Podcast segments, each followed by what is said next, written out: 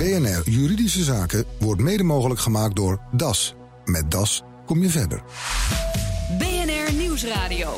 BNR Juridische Zaken. Ronald Olsthoorn. Goedemiddag. Vier maanden zijn we nu onderweg met de wet deregulering arbeidsrelaties. De wet die een einde maakte aan de VAR-verklaring die ZZP'ers moesten overleggen voordat ze aan een klus begonnen. Daarvoor in de plaats zijn er nu de modelcontracten tussen opdrachtgever en ZZP'er. En daar zijn er zelfs heel veel van, want ze worden massaal ter goedkeuring voorgelegd aan de Belastingdienst. Die ze ook bijna net zo massaal eh, weer afwijst, hè, collega Nelke van Dijden.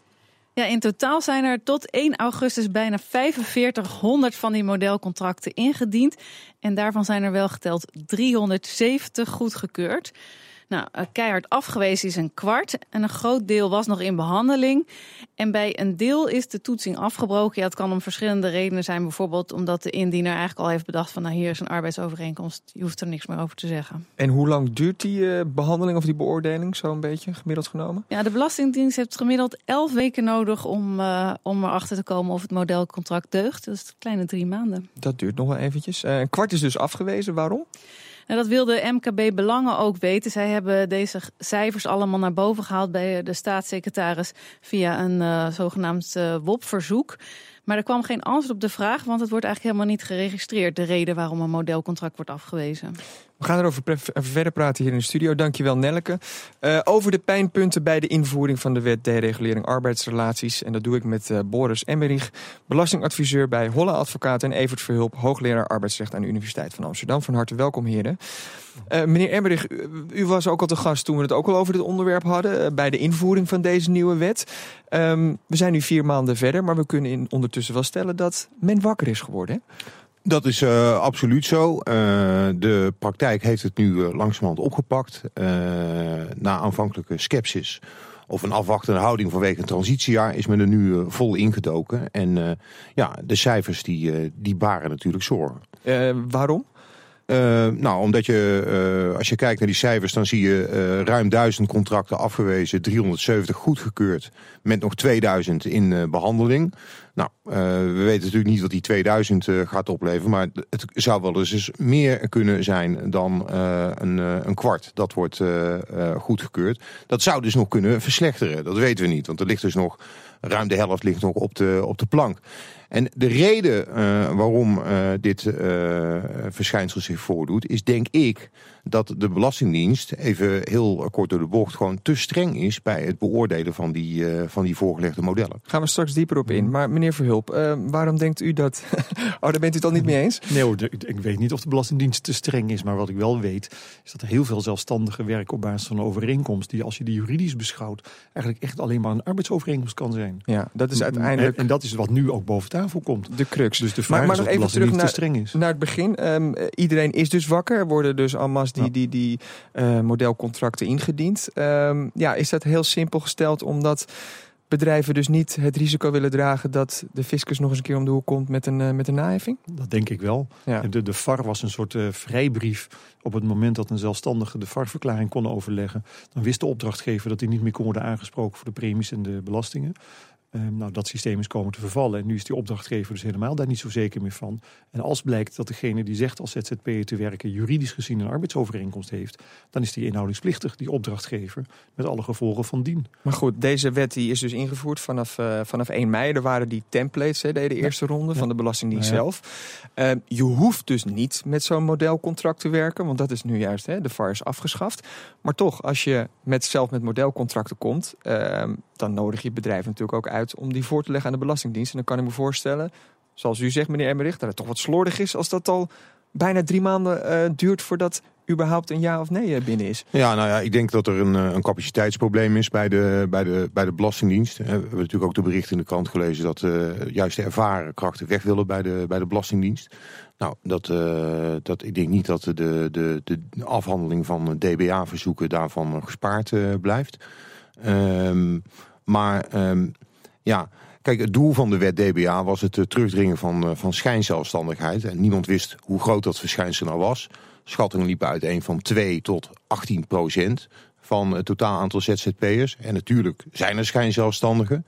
Maar als je nu naar deze percentages uh, kijkt, dat doet vermoeden dat er eigenlijk veel meer schijnzelfstandigen zijn dan, dan men aanvankelijk uh, verwachtte. En die discrepantie is natuurlijk heel erg raar. Ja, maar er komen straks de achterliggende motieven op de wet komen straks ook nog wel eventjes op. Maar waar kijkt de Belastingdienst nu naar als ze zo'n modelcontract uh, voorgelegd krijgen? Nou, de Belastingdienst heeft op uh, haar internetsite een, uh, een handreiking DBA gepubliceerd. Daarin staat hoe de Belastingdienst die, die modellen beoordeelt. maar het punt is alleen dat de Belastingdienst gehouden is om bij de beoordeling van die contracten gewoon de algemene regels van het arbeidsrecht te volgen. De fiscale regels, fiscale beoordelingskader is gelijk aan dus, het arbeidsrechtelijke dus daar ontmoeten jullie beide expertises uh, elkaar? Absoluut. Ja. Ja. Alleen de Belastingdienst zelf in die handreiking DBA geeft er nog geen blijk van om dat arbeidsrechtelijke kader uh, goed te kunnen uh, doorgronden. Er is te weinig arbeidsrechtelijke kennis bij de fiscus, zegt u. Ja, ik denk dat die, uh, ja. dat die zich baseren op wat oudere fiscale jurisprudentie die hen gelijk geeft. Maar ik denk wel nog even op een rijtje. Wat zijn de voorwaarden? Um, er moet loon zijn, er moet een gezagsverhouding zijn, is een hele belangrijke. En er moet sprake zijn van persoonlijke arbeid. Dus um, laat het even op mij betrekken. Ik moet bij wijze van spreken hier gaan presenteren en niet iemand anders. Nou ja, dat is, de, dat is zeg maar de heel kort door de bocht benadering, arbeid, loon, gezag. Maar als je kijkt naar de arbeidsrechtelijke jurisprudentie, en nogmaals, die is dus maatgevend in dit respect, dan blijkt dat de arbeidsrechter uh, naar het totaalplaatje kijkt. Die maakt een holistische weging. En die kijkt veel verder dan alleen maar arbeid, loongezag. Die kijkt bijvoorbeeld ook naar wat is nou de bedoeling van, uh, van partijen geweest. Daar let een inspecteur helemaal niet op. Uh, maar om een voorbeeld te geven, als je kijkt naar de PostNL jurisprudentie over de postpakketbezorgers, dan zie je dus dat sommige rechters zeggen dat die pakketbezorgers werknemers zijn. Anderen zeggen weer dat het opdrachtnemers zijn. Terwijl ze op het blote oog uh, in bijna niets van elkaar verschillen. En dat geeft aan hoe flinterdun eh, die, die lijnen zijn in het, in het arbeidsrecht. En dat kan je niet meer wegduwen in Ik zie meneer Verhulp inderdaad driftig nee knikken. Maar eigenlijk zegt u van ze, ze houden er een te enge uh, opvatting op na wat betreft uh, het begrip dienstverband zoals dat wordt gehanteerd in het arbeidsrecht. Dat is mijn opvatting, ja. ja. Dat is mijn opvatting niet. Maar nee, nee kijk, kijk, het klopt. Er wordt een holistische weging losgelaten op de vraag of er een arbeidsovereenkomst is of niet. En holistisch betekent dus dat je al omstandigheden van het geval moet wegen. Veel meer dan dat is het niet. In de wet zijn die drie criteria genoemd die je zelf ook al opnoemde. Er moet uh, sprake zijn van een, een, een, arbeid moet worden verricht. Uh, er moet loon tegenover staan. En er moet sprake zijn van een dienstverband ondergeschiktheid. Dat ondergeschiktheidscriterium is natuurlijk heel erg vaag. In die zin dat ook een opdrachtnemer, een ZZP'er, niet mag doen wat hij zelf leuk vindt of zo. Die moet natuurlijk luisteren. Dat is ook wettelijk geregeld. ja, dat geldt voor iedere ondernemer. Ja, dat geldt voor iedereen. Ja. Nou, um, um, we zijn in het arbeidsrecht uh, redelijk goed in staat om te onderscheiden wat nou een arbeidsovereenkomst is en wat niet. Het probleem is, partijen zelf denken daar vaak anders over. En dat is niet de werknemer die als schijnzelfstandige uh, in de markt wordt gezet. Dat is vaak een werknemer die zelf ook vindt dat hij zelfstandig is, maar het juridisch niet blijkt te zijn. Ja. Dat is natuurlijk iets heel anders. Kunt u daar een voorbeeld van geven? Daar zijn heel veel voorbeelden van. Een deel van de, van de postbezorgers bij PostNL die vond dat ze zelf als ZZP'er moesten opereren, omdat ze daarmee fiscale voordelen binnenharkten en geen premies hoefden af te dragen, ook niet verzekerd waren. Um, terwijl de, de, de rechter vaststelde dat ze wel degelijk een arbeidsovereenkomst hadden. Een heel mooi voorbeeld vind ik is een directeur van een thuiszorgstichting in Rotterdam. Die met de, de stichting thuiszorg afspreekt dat hij als ZZP'er wordt ingeschakeld. Het pensioenfonds dat verplichte pensioenheffing in die sector doet, meldt zich en zegt jullie hebben een arbeidsovereenkomst. Waar beide partijen zeggen hebben we niet. We hebben tot een opdrachtovereenkomst afgesproken. Uh, en volgens stelt de Raad vast dat er toch sprake is van een arbeidsovereenkomst dus de, de bedoeling van partijen is niet maatgevend voor de vraag of er sprake is van een arbeidsovereenkomst. Meneer Every. Nou, dat ben ik, dat ben ik met Evert eens. De bedoeling is niet maatgevend. Hè. Er is geen checklistje te maken van uh, dit wel en dat niet. En dan is het wel of geen arbeidsovereenkomst. Maar de bedoeling is wel een van die factoren die meespeelt in die holistische weging van het totale plaatje. Dus je kan ook niet zeggen dat het er niet toe doet. Als je nou gaat kijken in de handreiking DBA van de fiscus, dan staat er het woord bedoeling wordt daar niet eens een enkele keer in genoemd. En dat had op zijn minst toch wel uh, gemogen. Maar wat is nou ja, nee, nee, ja, ga, nee, nee, nee het is gewoon niet waar. Dus uh, dat is juridisch echt anders. Maar wat is nou wat, wat u betreft dan doorslaggevend om wel of niet uh, te bepalen of er sprake is van een dienstverband? Want ja, wat hebben we 800.000 ZZP'ers of zo die op een bepaalde manier uh, zo hun werk verrichten. Ja. Ehm, ja, wat denkt u dan? Dat, hoe hoe, Nou ja, hoe dat groot is, dus, is, het? Dat is dus het lastige van het arbeidsrecht. Het arbeidsrecht is heel paternalistisch recht waarvan je kunt afvragen of dat nog goed past in deze tijd. Maar het arbeidsrecht zelf bepaalt of je een arbeidsovereenkomst hebt. En dat doe je niet als opdrachtgever en opdrachtnemer. Of als werkgever en werknemer. Er zijn gewoon je ziet dus nu, daarom, daarom vlucht iedereen eigenlijk in die modelcontracten. Om te gaan onderzoeken van, nou ja, hoe kan ik nou eens heel mooi gaan formuleren dat het toch een bepaalde Ja. vorm van eh, autonomie is, zeg maar. Dat je op je eigen, naar eigen inzichten je werk kan verrichten. Waardoor er niet spra- geen sprake is van een eh, gezagsverhouding.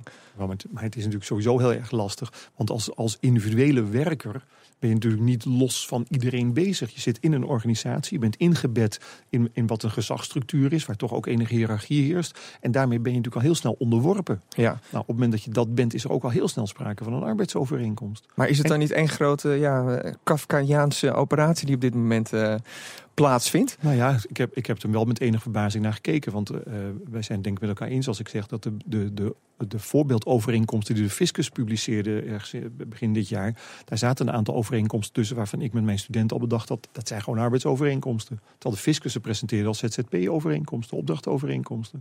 Want daar zit ook nog altijd wel weer licht tussen. Dus toch eh, het, het, ja, het begrip arbeidsovereenkomst in het arbeidsrecht en hoe dat dus wordt eh, gezien in het belastingrecht. Dat mag dus eigenlijk niet. Dat heeft de staatssecretaris Wiebes zelf herhaaldelijk aangegeven. Daar mag geen streep licht tussen zitten. Alleen, dat kan hij wel zeggen. Maar als zijn inspecteurs eh, daar vervolgens toch anders naar handelen. Ik denk dat dat een van de oorzaken is waarom er eh, zoveel modelovereenkomsten worden afgewezen. Maar we kunnen ook allemaal niks doen, hè? want je hoeft het dus niet te doen, hè? die modelcontracten voor de duidelijkheid.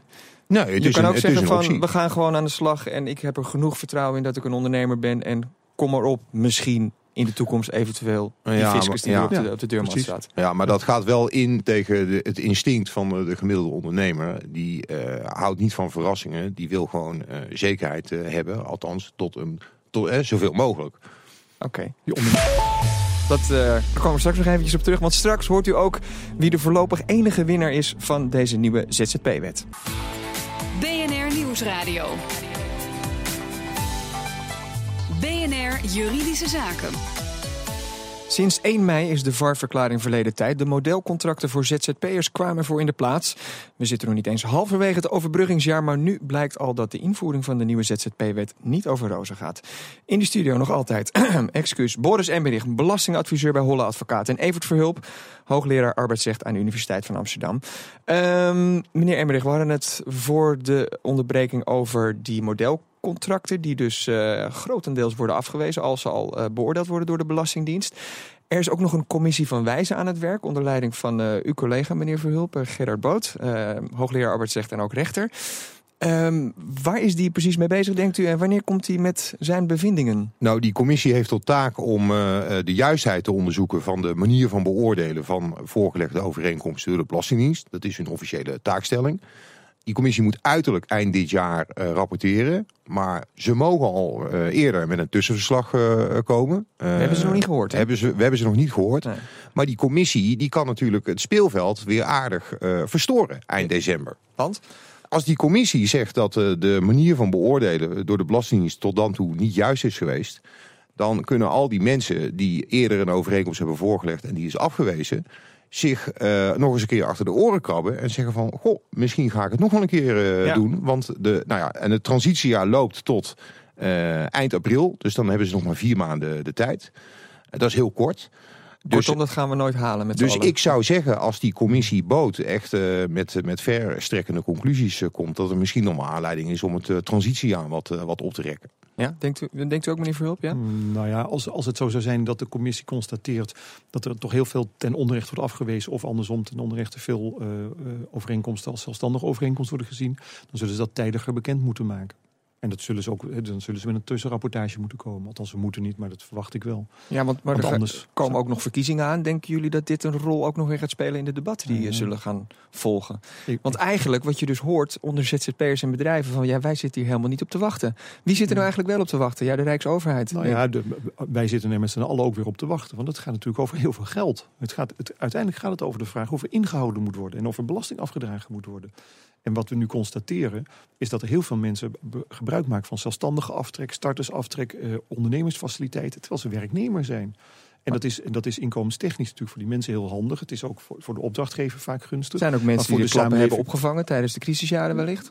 Ik, ik misgun niemand iets, daar gaat het niet om. Maar als overheid zie je wel met ledenogen aan dat je het 8000 euro, uh, Boris weet het beter dan ik, 8000 euro per jaar geeft aan mensen die eigenlijk gewoon werknemer zijn en zich presenteren op de arbeidsmarkt. Maar waarom zijn deze mensen eigenlijk geen ondernemers? Ze nemen toch wel degelijk risico's? Ja, het is een beetje een, een, oude discussie. Ik bedoel, als ze ziek zijn, dan moeten ze zelf uh, zorgen dat er uh, dat is ook de vraag. iets van een vangnet dat, is. Dat, dat, dat, is allemaal een risico. Want op het moment dat iemand kan zeggen, nou, dan, kun, dan kun je toch zeggen van ik ben ondernemer, omdat ik juist die risico's loop. Als ik bij ziekte, dat ik Maar dan is de volgende stap dat je dat, dat belastingvoordeel dan ook zou moeten aanwenden om je daartegen te verzekeren. Nou, dat gebeurt, dat gebeurt onvoldoende, weten we. Maar het is andersom. De, de staat loopt het risico dat een opdrachtnemer waarvoor nooit premies is afgedraagd op enig moment terecht kan zeggen: Ik ben werknemer geweest, dus ik was wel degelijk verzekerd, mag ik even vangen? En dat is natuurlijk een veel lastige discussie. Dat heeft ze ook wel voorgedaan. We, we kennen de mooie zaak van die mevrouw die in de gouden kooi, gouden kooi is opgesloten geweest. Um, ik ben haar naam vergeten, Natasja heette ze geloof ik. En die meldde zich nadat ze na tien maanden was weggestemd bij het UWV met de vraag: mag ik een WW-uitkering? Waarop bleek dat ze alleen maar zo'n toelage had gehad, 2000 euro per maand. Uh, er zijn nog kamervragen over die zaak gesteld. Dat haar kind werd uh, door de grootouders opgevoed of zo. Dat doet er allemaal niet toe. En uiteindelijk heeft het UWV moeten betalen. Meneer Ermerich, wat vindt u? Is dit systeem op de lange termijn onhoudbaar? Nou, kijk, ik vind eh, de discussie zoals die nu wordt, uh, wordt gevoerd, uh, vind ik eigenlijk niet, niet diep, diepgaand genoeg. waar het om gaat, is dat er inderdaad grote verschillen zijn in de fiscale behandeling van ZZP'ers en, en werknemers. Waardoor er een grote fiscale prikkel is om dat ZZP-schap op te zoeken. Um, vorig jaar is er een vuistdik rapport verschenen van een interdepartementale beleidsonderzoeksgroep. En die pleiten dus voor om die verschillen te verkleinen. Nou, dat kan op twee manieren. Ofwel de ZZP'ers gaan meer belasting eh, betalen, of de werknemers minder. Je zit in een kabinet met VVD en PvdA. Nog even. En, nog even. En die kijken daar dus diametraal anders, uh, anders tegenaan. De VVD is pro-ZZP, even heel gechargeerd gezegd. De PvdA is pro-werknemer. Uh, nou, in maart zijn er verkiezingen.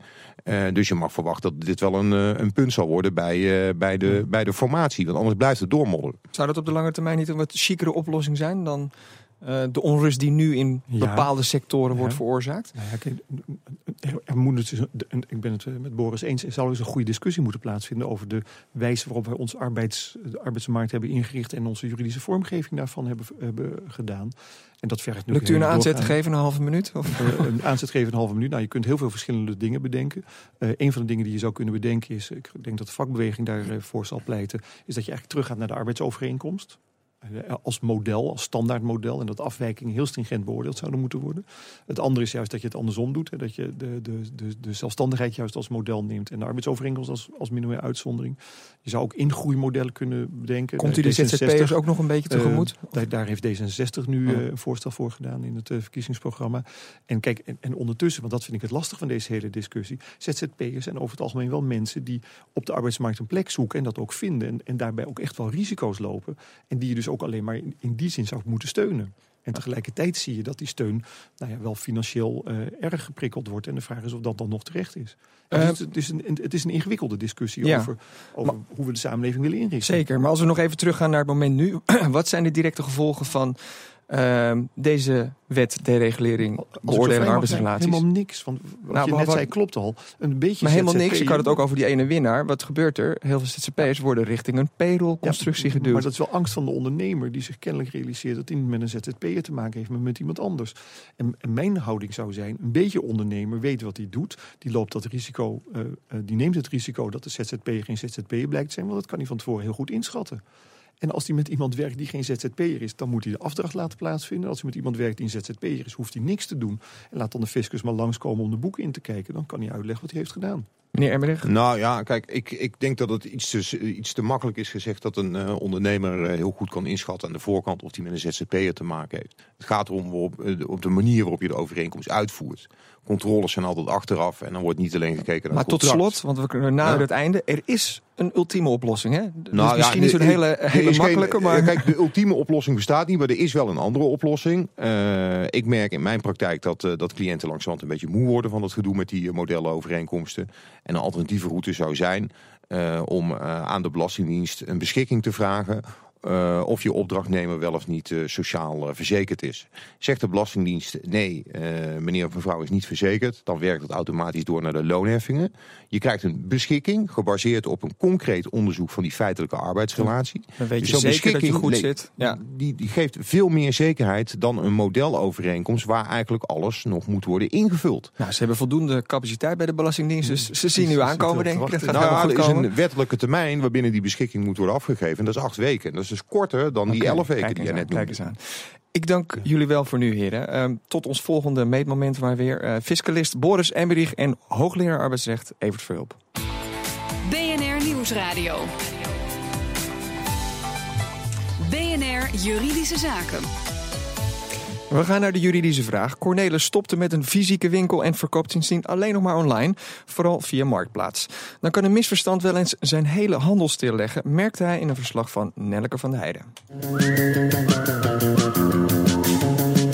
Cornelis, je hebt een grote loods met allemaal spullen en die verkoop je via Marktplaats. Maar opeens waren alle advertenties weg? Ja, ik uh, kreeg een mailtje van Marktplaats dat na tips ik wegens vermoedelijke fraudeleuze handelingen van Marktplaats geblokkeerd was. Mijn hele account was uh, geblokkeerd en alle advertenties waren weg. En was dat terecht? Nou, ik heb ze een mailtje geschreven, want bellen kan je ze niet. Van nou, wat is er aan de hand? Uh, leg me eens uit wat ik verkeerd gedaan heb. En later bleek dus, nadat ze het onderzocht hadden, dat het onterecht was. Dus eigenlijk even heel je handel kwijt en dat bleek dan helemaal onterecht? Ja, meer dan duizend artikelen waren verdwenen. En ik had ook verschillende betaalde advertenties voor artikelen of voor andere dingetjes. En ook marktplaatzakelijk. Al die betalingen zijn dan ook zomaar weg. En dan moet je maar afwachten of je dat weer terugkrijgt. En dat is gedeeltelijk gebeurd, maar het is allemaal uitzoekerij. En bovendien krijgt iedereen waar je mailcontact mee hebt gehad over artikelen, over biedingen of wat dan ook, die krijgen dan ook een mailtje dat ik dus geblokkeerd ben wegens fraudeleuze handelingen. Dus ergens leid ik schade aan mijn reputatie. En het kost een hoop tijd om, om alles weer uit te zoeken totdat alles weer goed staat. En uh, Marktplaats heeft de advertenties wel teruggezet, maar ik vind het toch niet helemaal uh, juist. Nee, het is toch eigenlijk inderdaad schade in tijd, in gedoe. En klanten die denken, oh deze man is niet betrouwbaar. Heeft Marktplaats daar iets over gezegd? Excuses of uh, vergoeding of iets? Het enige wat ze mailden was dat het onterecht was. En ze hebben alle advertenties weer teruggezet. Maar ja, mijn vraag is eigenlijk van nou, uh, mag dit zomaar en is het niet voor Marktplaats beleefder om eerst contact met de verkoper op te nemen in plaats van gewoon ongevraagd alles eraf te mikken? Martijn Top van Hukker Advocaten. Cornelis vraagt zich af of Marktplaats niet even met hem had kunnen overleggen voor ze al zijn advertenties blokkeerde. Ik begrijp dat eh, Cornelis hier een belang heeft. Hij heeft zo'n 1300 advertenties op de site staan. Bij het plaatsen van die advertenties heeft Cornelis ook getekend, of in ieder geval een vinkje gezet, uh, dat hij akkoord is gegaan met de gebruikersvoorwaarden. En in die gebruikersvoorwaarden staat onder andere dat advertenties aan bepaalde voorwaarden uh, moeten voldoen. Zo mag je niet de handelsnaam van een ander gebruiken, uh, mogen advertenties maar één keer erop worden geplaatst. En mag je ook geen inbreuk maken op intellectuele eigendomsrechten. Dus je mag geen nepproducten verkopen. Dus als daar ook maar een kleine verdenking van is, mag Marktplaats alle advertenties verwijderen? Ja, Marktplaats heeft in de voorwaarden het recht voorbehouden om inderdaad vrij snel over te gaan tot het verwijderen van advertenties zonder restitutie van het betaalde bedrag. Maar oké, okay, in zijn geval bleek het volkomen onterecht en hij heeft ook het idee dat hij toch wel wat schade heeft geleden. Kan hij daar nog iets mee? Nou, op basis van de gebruikersvoorwaarden lijkt me dat heel moeilijk worden. Wat hij wel kan doen is een klacht indienen bij Marktplaats. Uiteenzetten dat hij al jarenlang van de website gebruik maakt. Dat hij er een belang bij heeft om te weten wat hij nou verkeerd heeft gedaan. Dat hij ook in de veronderstelling was dat hij alle gebruikersvoorwaarden keurig naleefde. Als daar nou geen reactie op komt, dan zou je kunnen overwegen om naar thuiswinkel.org te stappen. En dan zou je zijn klacht daar neer kunnen leggen. Ja, en in theorie kan hij natuurlijk ook een juridische procedure starten. Maar ik begreep dat deze meneer uh, binnen een paar dagen alweer zijn producten op de site had staan. Dus dat wordt wel, denk ik, een lastige procedure. En u hoorde advocaat Martijn Top. Heeft u zelf een juridische vraag? U kunt hem naar ons mailen. Het adres is juridischezaken.bnr.nl. Dit was de uitzending voor vandaag. U kunt de show nog eens terugluisteren via bnr.nl slash juridische zaken. Mijn naam is Ronald Olstorn. Tot de volgende zitting. BNR Juridische Zaken wordt mede mogelijk gemaakt door DAS. Met DAS kom je verder.